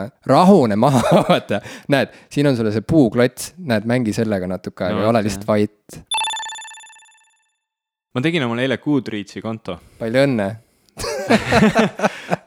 ma tegin seda selleks natuke ette valmistada tänaseks, ma tahtsin natuke mõelda sellele, mida. tahtsid vaadata, mida targad inimesed loevad? ei, mida mina olen lugenud okay.. kujutad sa pilti, jällegi see mälu teema tuleb. mitte, et nüüd ma eeldaks, et nii kui ma Goodreadsi konto teen, et seal siis see algoritm või see, see tehisintellekt seal taga nüüd kohe automaatselt tunneb ära, mida ma kõike lugenud olen. aga see vähemalt sundis mind mõtlema raamatutele, mida ma olen varem lugenud ja vaadates teiste inimeste lugemisharjumusi sealt ka siis välja noppida seda, mida ma ise olen lugenud või teistele soovitanud ja see pilt tuli päris naljakas, vähemalt mu enda meelest, et äh, ma loen ülivähe proosat ja ma loen ääretult palju äh, populaarteaduslikku kirjandust ja see on nagu selline, mitte nagu puhas tehniline kirjandus, puhast tehnilist kirjandust loen ma meeletult palju, aga ma arvan, et enamik meist, enamik inimesi, kes kontorites töötavad, töötavad tekstidega, loevad väga palju tehnilist kirjandust. ja noh, ütleme see võib-olla ei ole mõnus lugemine, näiteks teadusartiklite lugemine minu jaoks ei olnud mitte kunagi meeldiv tegevus,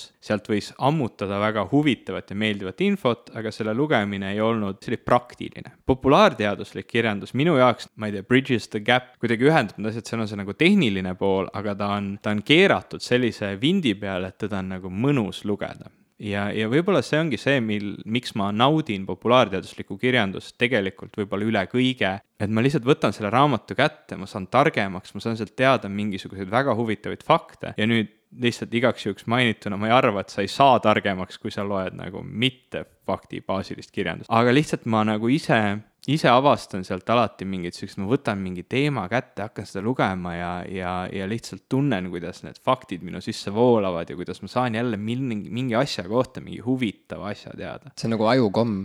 jah, ta on kindlasti ja need raamatud, võib-olla sealt tulebki see, et tihtilugu nendel on minu jaoks see huvi kadumine lihtsam. sest ähm, kui ma loen fiktsiooni, see ei ole hea sõna, ütle hea sõna mm,. ilukirjandus. jah, väga hea, aitäh. Äh, kui ma loen ilukirjandust siis ähm, see raamat, kas mulle eosest juba meeldib või ta ei meeldi, ehk siis kas ma loen teda või mitte. Ja kui ma loen teda, siis, siis tavaliselt see nagu väga kiiresti läheb mul läbi, et paari, või ma ei saa öelda paari, üks Neil Gaimani teos oli täpselt niimoodi, see oli vist Ocean at the end of the lane. aa, tema kõige hiljutisem ja, romaan. et äh, ma võtsin ta kätte ja lugesin läbi et seal lihtsalt ei olnudki enam seda, mis tavaliselt mul juhtub, et ma loen natuke, panen kõrvale, loen natuke, panen kõrvale, põhimõtteliselt päevaga või, või, või kahega, lihtsalt öö tuli vahele. Ähm,. lugesin selle raamatu läbi ja olin, olin vaimustuses mõnda aega.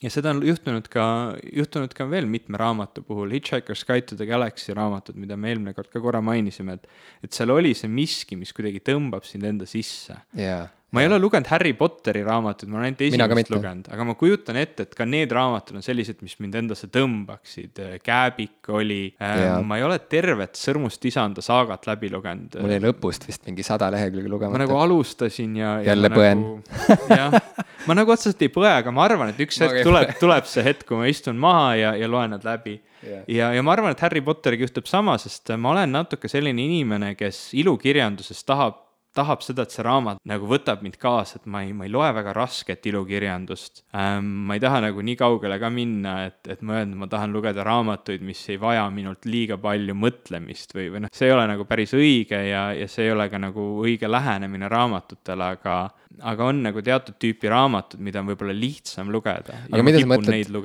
mida sa mõtled, kui sa ütled raske, et sa ei loe raskeid raamatuid, mis teeb ühe ilukirjandusliku teose raskeks jaoks, sest et näiteks äh, Neil Gaiman ju on ka raske ju tegelikult, et tal on lihtsalt juures mingisugune sarm ja mingisugune sihuke nagu hmm, mingi väga, ühesõnaga jah, tal on, tal on mingisugune sarm, mis korvab või isegi mitte ei korva, vaid mis teeb nagu huvitavaks selle raskuse, eks ole jah, ma ei oska seda raskust kuidagi muud moodi defineerida, et kui see raamat häirib mind, näiteks ma ei loe väga palju või, või üldse tegelikult kriminaalromaane ja, ja asju, kus on väga nagu sünged teemad, kuigi jällegi võib väga vabalt jälle öelda Neil Gaimani raamatute kohta, et need teemad on seal tihtilugu väga sünged ja no ja, ja, ja ka Sõrmust isandad ja mis iganes, et seal on neid palju neid süngeid asju, aga ma ei tea, mida kaugemal see asi on kuidagi päriselust võib-olla, ütleme, siin tuleb jälle see sci-fi ja, ja muu sihuke ulme ja, ja fantasy teema sisse, et, et võib-olla fantaasiakirjandust ma nii palju ei loe, aga ulmet kindlasti, et kui ma suudan ennast sellest kuidagi nagu eemaldada rohkem, siis seda on mul lihtsam seedida.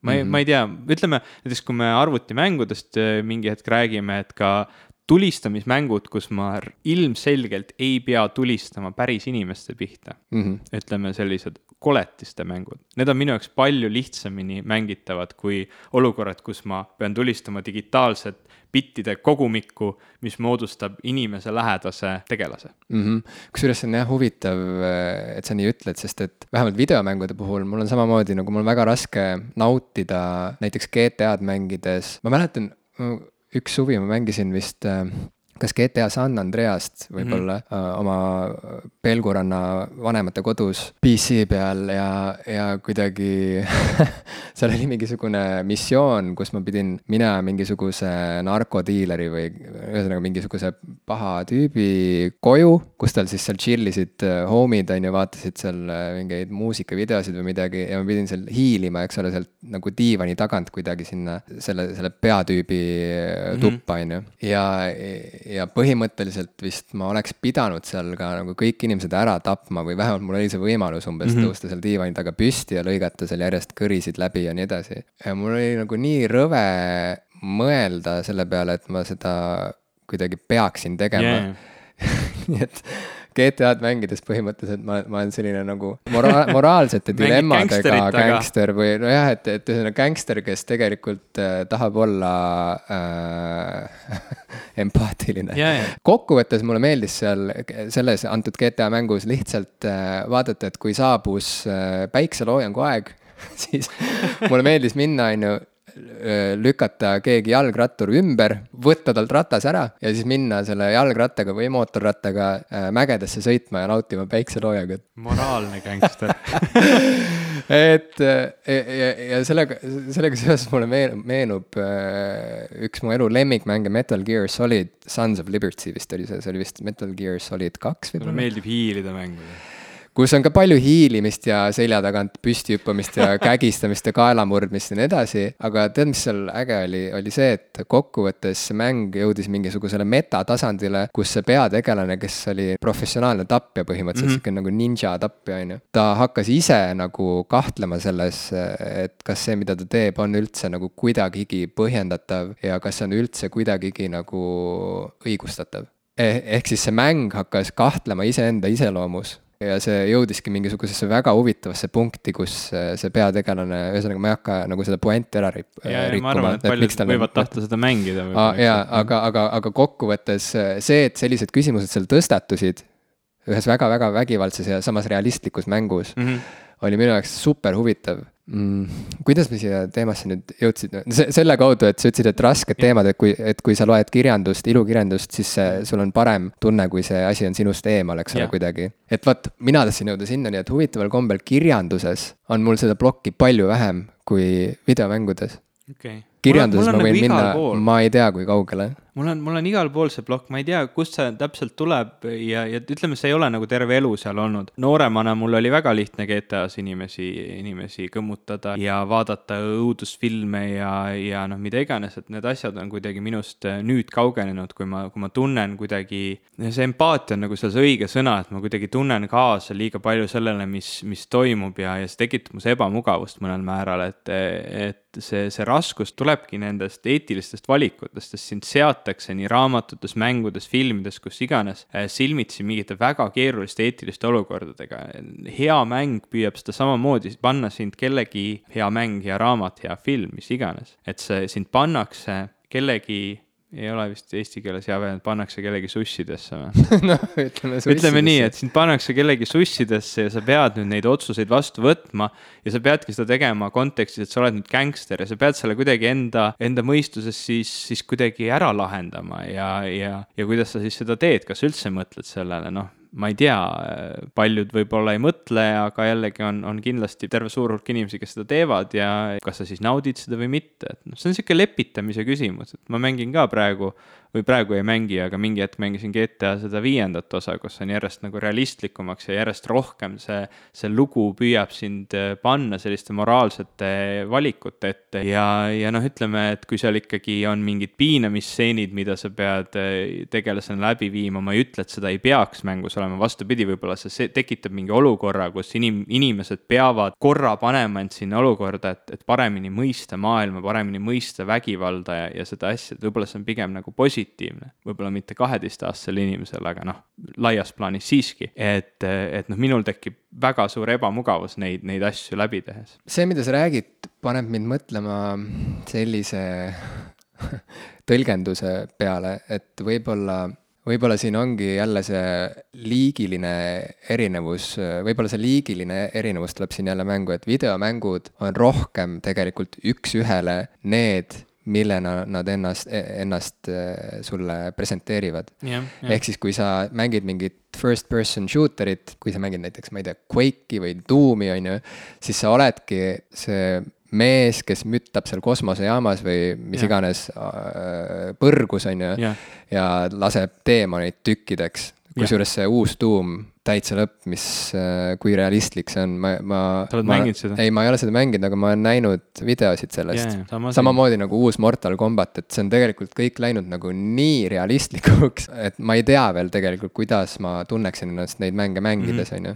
sest mul ei- lihtsalt ei ole avanenud seda võimalust, aga ma pean ütlema seda, et äh, GTA ühes oli mul oluliselt, oluliselt lihtsam ja lõbusam No inimesi alla ajada noh, jah. see kõik oli lihtsalt nii suva, sest et need tüübid olid kõik ju äh, pealtvaates, ühesõnaga mängija nägi kogu seda linna kõrgelt, kuskilt nagu kajaka linnulennu yeah. kõrguselt, eks ole. ja kõik need inimesed, kes seal tänavatel ringi siblisid, olidki lihtsalt mingisugused pisikesed värvilised pikslite kogumid yeah., eks ole. no mis nad tegelikult on ka praegu, aga, aga see seos on. jaa, aga, aga ongi, et, et sa, et kuidagi midagi juhtub ajus, mis sunnib aju võtma seda nagu üks-ühele yeah.. ehk siis, kui GTA üks oli lihtsalt mingisugune vägivaldsete ruudukeste sihuke nagu gängisõda, eks ole mm, -hmm. siis see seda oligi ja see, seda saigi just nii kergelt võtta, samas kui nüüd äh, ma mängin GTA viite näiteks, ma ei ole seda mänginud, aga sa ütlesid, et seal on mingisugune piinamisvõimalus on ju või midagi sellist. kohati sa isegi, et seda läbi mängida, pead seda vist tegema. no vot, et GTA viies nagu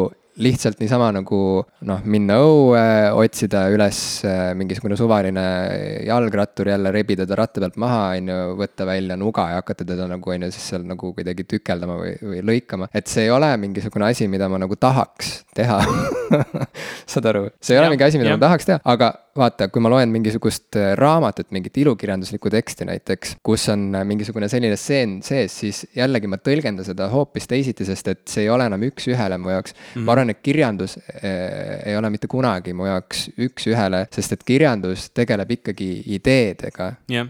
järelikult sa pead astuma mingisugusesse filosoofilisse debatti tegelikult kus sa pead vaidlema või omaks võtma või kuidagi ümber lükkama enda jaoks mingisugused ideed inimloomuse kohta, inimkäitumise kohta, ühesõnaga elu kohta ja maailma kohta üldisemalt. samas kui seal Quake'is või ütleme, selles kõige uuemas Doom'is, eks ole, sa lähed äh, sinna põrgusse, võtad seal kellelgi kõrist kinni, saed tal ma ei tea, pea pooleks, on ju, ja siis rebid talt selgroo välja, on ju, noh, Mortal Combatis vähemalt saab selliseid asju teha, on ju. jah, need, need asjad tegelikult mind väga on hakanud häirima viimasel ajal, et mängudes on järjest rohkem neid aegluubi võtteid mõtteid, et näiteks Assassin's Creed, mis mulle ka mänguna väga meeldib, kogu see story ja värk, mind nagu häirivad need, ma ei tea, kill cam'id või mis iganes mm, -hmm. kus üritatakse iga, iga uue versiooniga järjest äh, visuaalsemalt näidata seda, kuidas, kuidas juhtub inimesega mingi kole asi. ma no, mõtlesin selle nagu... jaoks praegu välja siukse ingliskeelse termini, mis võiks sobida selle tiitliks, on sihuke gore porn. jah, et ma nagu tahaks seda välja lülitada kuskil, kunagi yeah. sai Mortal Combatis verd välja lülitatud, ütleme siis oli see liiga multikas ja pikslite kogum, et, et seda teha, aga noh nüüd nagu otsiks küll sihukest nuppu, et seda, seda päris seda jah, pornot sealt lõpust äh, välja jätta. ma ei tea, võib-olla, võib-olla ma olen ise liiga tundlik, ma ei, ma ei, ei tea. tähendab, ma arvan, kahtlemata sa oledki tundlik, on ju, mina olen samamoodi tundlik, aga tegelikult siin on ka mingisugune iva sees, miks me reageerime sellele kõigele nii otseselt. Ja ma arvan, et see iva seisnebki selles, et esiteks mängud lähevad aina realistlikumaks, on ju, ja teiseks mänge me võtame ikkagi palju rohkem üks-ühele, ehk siis miks mind see Metal Gear Solid kaks nii väga üllatas ja vaimustas, oligi see, et ta suutis tõusta sealt harilikult üks-ühele mängutasandilt kõrgemale ja hakata tegelema mm -hmm. ideedega.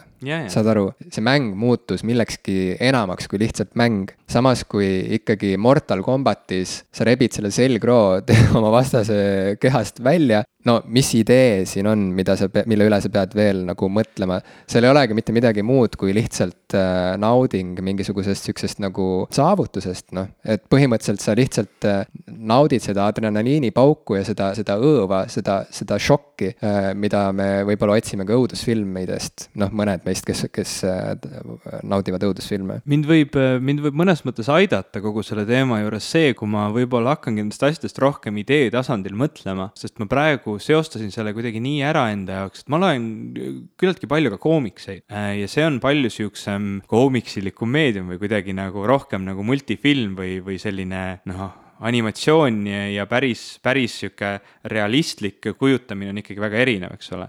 ja kui ma nüüd võtan ühe mu lemmikkoomiksi sarja, mis on Saaga, lugege Saagat tõesti, kuulajad, kui te, kui te ühe soovituse mult võtate, proovige, see on tegelikult Rahvaraamatus olemas äh,, täiesti ostetav, lähete, ostate, või siis Comixology veebilehelt saate väga hea kvaliteediga, eks ole, seda, seda sealt osta, see on võrratult lahe koomiksiseeria või ma ei tea, laenutage sõbralt, ma, ma ei tea, kust te selle saate. sinult proovige. kas sina ei laenuta välja oma kuulajatele? ei, tead, mul on nii palju raamatuid igal pool kaotsi läinud, võib-olla niimoodi heale sõbrale, kuulajale, aga. kas sul pirada saab neid? ma ei, ma ei tegele, ma ei ma lihtsalt naersin tegele. tegelikult selle peale, et ma kasutasin sõna pirama No nagu jälle nagu nagu. Napster oleks tagasi. Napster jah, pirame siit, siis pirame need asjad ära, aga ma, ma ei arvaks, et ma nüüd enda omi tahaks ära anda, ma, nad on mulle väga kallid. tegelikult ma arvan, et nad on mu naise omad üldsegi, nad on talle väga kallid, aga ma soovitan ikkagi tutvuda Saaga sarjaga ja, ja ütleme, need on ikka tõsiselt siuksed ähm, üle vindi crazy'd asjad. See sisu, mis seal on, on kohati, noh, see on uskumatu, ma ei hakka asju väga ära rikkuma. minu jaoks kõige iroonilisem selle asja juures, ma ei tea, kas ma kasutan siin sõna irooniline õiges kontekstis, aga ma kasutan seda äh, rahvakeelses kontekstis, oli see, et äh, hoolimata sellest, kui kohati tülgastav on see sisu, sattus see koomiks meedias ja, ja ütleme, sellises Ameerika võib-olla kohati sõnade järgi liiga konservatiivses ühiskonnas tule alla seetõttu, et üks nende kogumik äh, oli kaanepildil oli imetav naine. Et noh, see oli nagu see, mille kallal siis hakati norima, aga, aga kui ma loen seda näed nagu koomiksit, Kanye Westi famous video juba peaaegu. jah, tulles tagasi äh, alguse teema juurde, et, et kui ma mõtlen nagu sellele, et kui Bugs Bunny saab, eks ole, või, või Daffy Duck saab äh, püstoliga näkku või haamriga pähe, et siis see ei ole nagu õudne, et samamoodi kui ma vaatan neid koomikseid, siis ma, ma suudan iseennast sellele idee tasandile palju rohkem viia mm. -hmm. ja minu jaoks ei ole see nagu õudne vaata, mis juhtub, kuigi võib-olla ma elan nendele tegelastele kaasa. just, vaata, midagi juhtub su ajus, mis lubab sellel kohe võtta seda vastu läbi mingisuguse filtri. jah, sa näed kohe, et see asi ei ole reaalne praegu. saad aru, sa, sul ei teki seda üks-ühest seost reaalsusega, sa juba näed, et see on mingisugune stiliseering ja see lubab sul minna tegelikult palju kaugemale selle asja vastuvõtmisest, sest et äh, sa tegeled sellega idee tasandil. ja samamoodi võib-olla sobib hea näitena siia kõrvale ka näiteks äh, Game of Thronesi äh, sarja ja, ja, ja siis romaani äh, Mhm. sarja võrdlemine, kus romaanil tegelikult ei ole ju mit, mitte mingisuguseid piiranguid ees olnud. George R R Martin kirjutas täpselt nii, nagu ta tahtis ja ta kirjutaski, eks ole, kuue tuhande leheküljelise eepilise saaga sellest, kuidas lapsed lähevad sõtta ja selle tulemusel eh, juhtub kõik see, mis sõjas juhtub, eks ole. Vägistatakse, tapetakse, piinatakse ja kõik see, võim-, meeletud õelad võimumängud, aga nende mängude keskmes on lapsed. Ja see on see, mis tegi selle saaga minu jaoks juba eos kohe väga huvitavaks, on ju, ja, ja üllatavaks, et ma järsku äh, avastasingi enda jaoks justkui mingisuguse väärastunud, ma ei taha isegi öelda väärastunud, vaid mingisuguse rikkis muinasjutu nagu mm. -hmm. saad aru, kus ei ole nii, et punamütsike läheb, kohtub hundiga, aga lõpus on kõik hästi, sest et vanaema lõigatakse sealt hundi kõhust välja, eks ole, ja, ja, ja kõik on, hästi. kõik, kõik, kõik elavad happily, happily ever after, aga aga vaata, mis juhtus äh, sarjaga ja, ja miks ma ei viitsinud seda sarja hakata vaatamagi, oligi see, et reaalsus tuli mängu, see üks-ühele reaalsus tuli mängu. Kuna me vaatame sarja teistsuguse osaga oma ajust, mis mis tahab seda seostada reaalsusega, siis sarja tegijad ei tohtinud kasutada seal sarjas tegelastena nii noori inimesi tegelikult. isegi see sari on sihuke piiri peal, eks ole, kohati oma, oma. noh, räägitakse jah, ma ei tea, ma ei ole seda vaadanud, aga, aga ma ütlen, et see juba kohe on minu silmis suur miinus selle sarja puhul, et kogu see traagika ju läheb kohe kaotsi seoses sellega, et seal on kõik inimesed on noh, täisealised, eks ole. et see kohe ju muudab selle Jah., selle olukorra äh, veidrust ja, ja ebatavalisust ja, ja kuidagi ebaõiglust. ühesõnaga Jah. aga jah, nii see on, et sarju me võtame palju rohkem üks-ühele, sest et see on selline visuaalne meedium ja nii, ja, ja see sarnaneb reaalsusele rohkem kui sõnad paberid. Sõna, sõnad paberil. mind huvitab, milline on meie kuulajate, kuulajate kogemus selliste asjadega, et ma ei tea, ütelge meile. Kui me eelmine kord tegime siin kultuurisoovitused, mina soovitasin ühte plaati ja sina soovitasid etendust, et, et ma arvan, et arvestades tänaseid teemasid, mis mänge me oleme mänginud, see on ka nagu huvitav, et mis, mis mängu sa mängid praegu? ma mängin praegu Nintendo 3DS-i mängu Pokemon X Pokemon X. ja okay. Haapsalust äh, siia sinu juurde sõites ma terve bussisõidu ajal mängisin ka seda. treenisin oma Pokemone tugevamaks, sõjakatemaks. kaua, kaua sa seda seeriat mänginud oled, oled sa nagu selline klassika tüüp, need blue'd ja gold'id ja mis seal kõik on olnud varem? ma olen mingisuguste emulaatoritega ebaseaduslikult äh, üritanud mängida kunagi neid varaseid Radio Pokemone Blue vist olid äkki? jaa, olid jah mm. -hmm. aga ma ei jõudnud kuigi kaugele, sest see polnud ikka päris see, vaata mm. -hmm. mulle meeldib see, kui see konsool on ka õige. ja, ja, ei, see on, see on hoopis teine asi, jaa, ma olen täitsa nõus.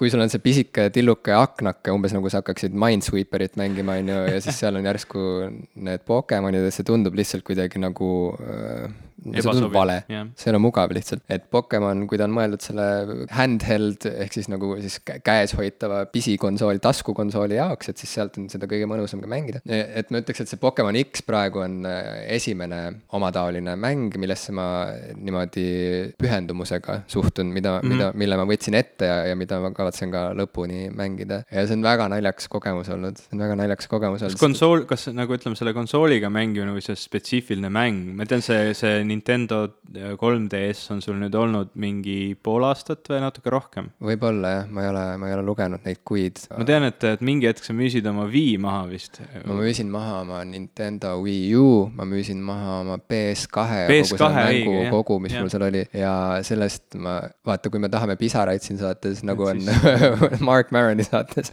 siis sellest teemast rääkides võib-olla me jõuame selleni, aga lühidalt kokkuvõttes müüsin maha, liikusin eluga edasi mm, Mhm. -hmm. Ostsin Nintendo 3DS, New Nintendo 3DS XL-i okay. no vot jah, New, Nintendo, mulle, mulle täiega meeldivad need mudelite nimed praegu, see on see on nagu. super, see on, see kõlab sama lihtsalt ja meeldejäävalt kui Metal Gear Solid kaks Son-, Sons of Liberty. või Pana-, Panasonic kolmkümmend kaks DX seitse C ViewSonic äh, Parallel Vision XT3. no just täpselt, eks ole, et äh, jah, just täpselt. Jah. aga ei, põhjus, miks see naljakas on, seisneb selles, et äh, Pokemoni mängud on läinud nii mitmekihiliseks ja keeruliseks nagu sinu tunded kuulates Radioheadi. jah, jah, sama keeruliseks, sest et kui kunagi ma mäletan sealt sellest emulaatori mängimi-, emulaatoriga mängimise kogu-, kogemusest äh, oli see mäng selline, et läksid õue, ütlesid emale head aega, on ju, siis äh, astusid sinna võpsikusse, püüdsid kinni oma esimese Pokemoni ja siis hakkasid teda treenima, et ta äh, muutuks tugevamaks ja siis korjasid tee pealt veel endale Pokemone mm., kuni sul oli mingi Pokemonide kari, kes kõik olid väga tugevad ja sõjakad ja siis sa olid kõige kõvem Pokemoni treener. siis nüüd sa pead põhimõtteliselt äh, elama nende Pokemonidega. see on nagu Tamagotši. see on nagu, kusjuures ongi, see on väga täpne võrdlus sul, sellepärast et äh, enam ei piisa sellest, et sa lihtsalt võitluses karastad oma Pokemone mm. -hmm. ja kuidagi õpetad neile uusi võtteid, kuidas paremini oma vastast alistada. spelle ja asju või mida seal saab õpetada. ja sa pead nüüd suhtlema seal kõvasti inimestega, siis sa pead oma Pokemonidega suhtlema, sa pead nendega mängima selliseid minimänge see on nagu Ja Sims juba, et sul on nagu- nagu see armastuse ja meeter ja. kusjuures ongi, iga okei. Pokemoni äh,, igal Pokemonil on tunded mm. -hmm. ta tunneb ennast äh, vastavalt siis kas hüljatuna või sinu poolt palavalt armastatuna, sõltuvalt okay. sellest, kui palju sa temaga kvaliteetaega veedad, saad aru, ja see ei tähenda seda, et kvaliteetaeg ei ole siis äh, tegelikult? areenil, võitlusareenil äh, taplemine, vaid just see, mida sa teed temaga väljaspool seda, ehk siis kas sa sisustad tema tuba armsate padjakestega, kas sa söödad talle muffineid aga, aga oota, oota, see läheb paremaks. et ja, ja üks asi, millega ma täna bussis isegi ei saanud hästi hakkama ühest, ühesõnaga, seal on selline funktsioon ka veel, et äh, sul on võimalus Pokemonide, Pokemoniga suhelda näoilmete äh, abil. kaameraga. jaa, sest et sellel konsoolil on kaamera ja ongi nii, et kui sa jõllitad oma Pokemoni ja naeratad talle, siis ta naeratab sulle vastu ja, ja siis ta hakkab ütle- ja siis ta hakkab sulle ütlema, et mis näoilmeid sa võiksid teha, et tal tuju paremaks läheks. ja siis ta paku-, viskabki sulle ette neid juhiseid, et tee seda nagu, tee toda nägu ja siis see kaamera jälgib seda ja mul mingid näod ei tulnud isegi välja, sest et ma ei tea siis, kas mu nägu on nagu valede proportsioonidega või, või mis. Ma arvan, et sul pole kogemust lihtsalt näitlejana teha, väljendada näol aga emotsioone. igal juhul ühel hetkel ma leidsin, tabasin ennast seal äh, Haapsalu-Tallinn bussis tegemas oma äh, Nintendo äh, Pokemonidele nägusid, keerates pead küljelt küljele, tehes sellist suurt naeratust ja pannes silmad kinni ja, ja, ja tehes, tehes sellist nagu musinägu. ma tean, et see kõlab nii, nagu see kõlab, aga see on see, mis juhtus ja ma ei kavatse häbeneda. Okay. No shame, no shame. Aga ühesõnaga, see on sellepärast väga naljakas jah, et, tundub, et need uued mängud üha rohkem ja rohkem, need uued mängud, mis välja tulevad, nende ambitsioon oleks justkui asendada kogu su ülejäänud elu ainult sellega, mis seal mängus toimub. et sa saaksid mugavalt lihtsalt kolida ümber sinna oma konsoolimaailma ja mitte kunagi enam mitte kellegagi suhelda. mitte, et ma muretseks selle pärast päriselt ka, aga, aga mina no, ka mitte. et sul on, sul on kodus kass ja, ja, ja laps, kes ka ilmselt tahavad, et sa neile lolle nägusid teeksid et mitte, et ma muretseks, lihtsalt äh, kohe märkusena. aga Ivo, mida sinu, sina mängid? huvitav, et sa mainisid Quake'i, sest ma, ma olen viimasel ajal, Quake'il on tulemas, eks ole, kahekümnes juubel olemas või tulemas ja mul, ma olen lapsepõlvest päris palju mängisin, see oli üks nendest mängudest, mis kõigil on, kõigil, kes sellel ajal arvutimänge mängisid, on ilmselt üsna hästi meeles, sellepärast et see oli ikkagi nagu täiega omamoodi kogemus. oli, Quake on nii kõva, mulle nii meeldis see Quake'i sihuke roostene ja, ja tahumatu raske feel. ja praegu ma ei tea, kas siis ka, kui see, kui see nüüd kuulajateni, kuulajateni jõuab, aga Steamis on praegu see nii-öelda järjekordne suve allahindlus, Steam on siis selline in interneti arvutimängude pood, kus sa saad alla laadida. Ivo, meie kuulaja teab, mis on Steam. okei okay., ühesõnaga äh,. ära alahinda seal on praegu vist kaks viiskümmend eurodes on, on Quake, see nii-öelda see päris esimene osa äh,. ma mäletan vist, et siis, kui ma seda lapsena mängisin, mul polnud vist päris see õige osa, ma ei tea, kas mul oli see Trent Reznori tehtud võrratu soundtrack seal taga, aga nüüd on kusjuures, kui sa Steamist ostad selle mängu, siis seda soundtrack'i ei ole seal taga.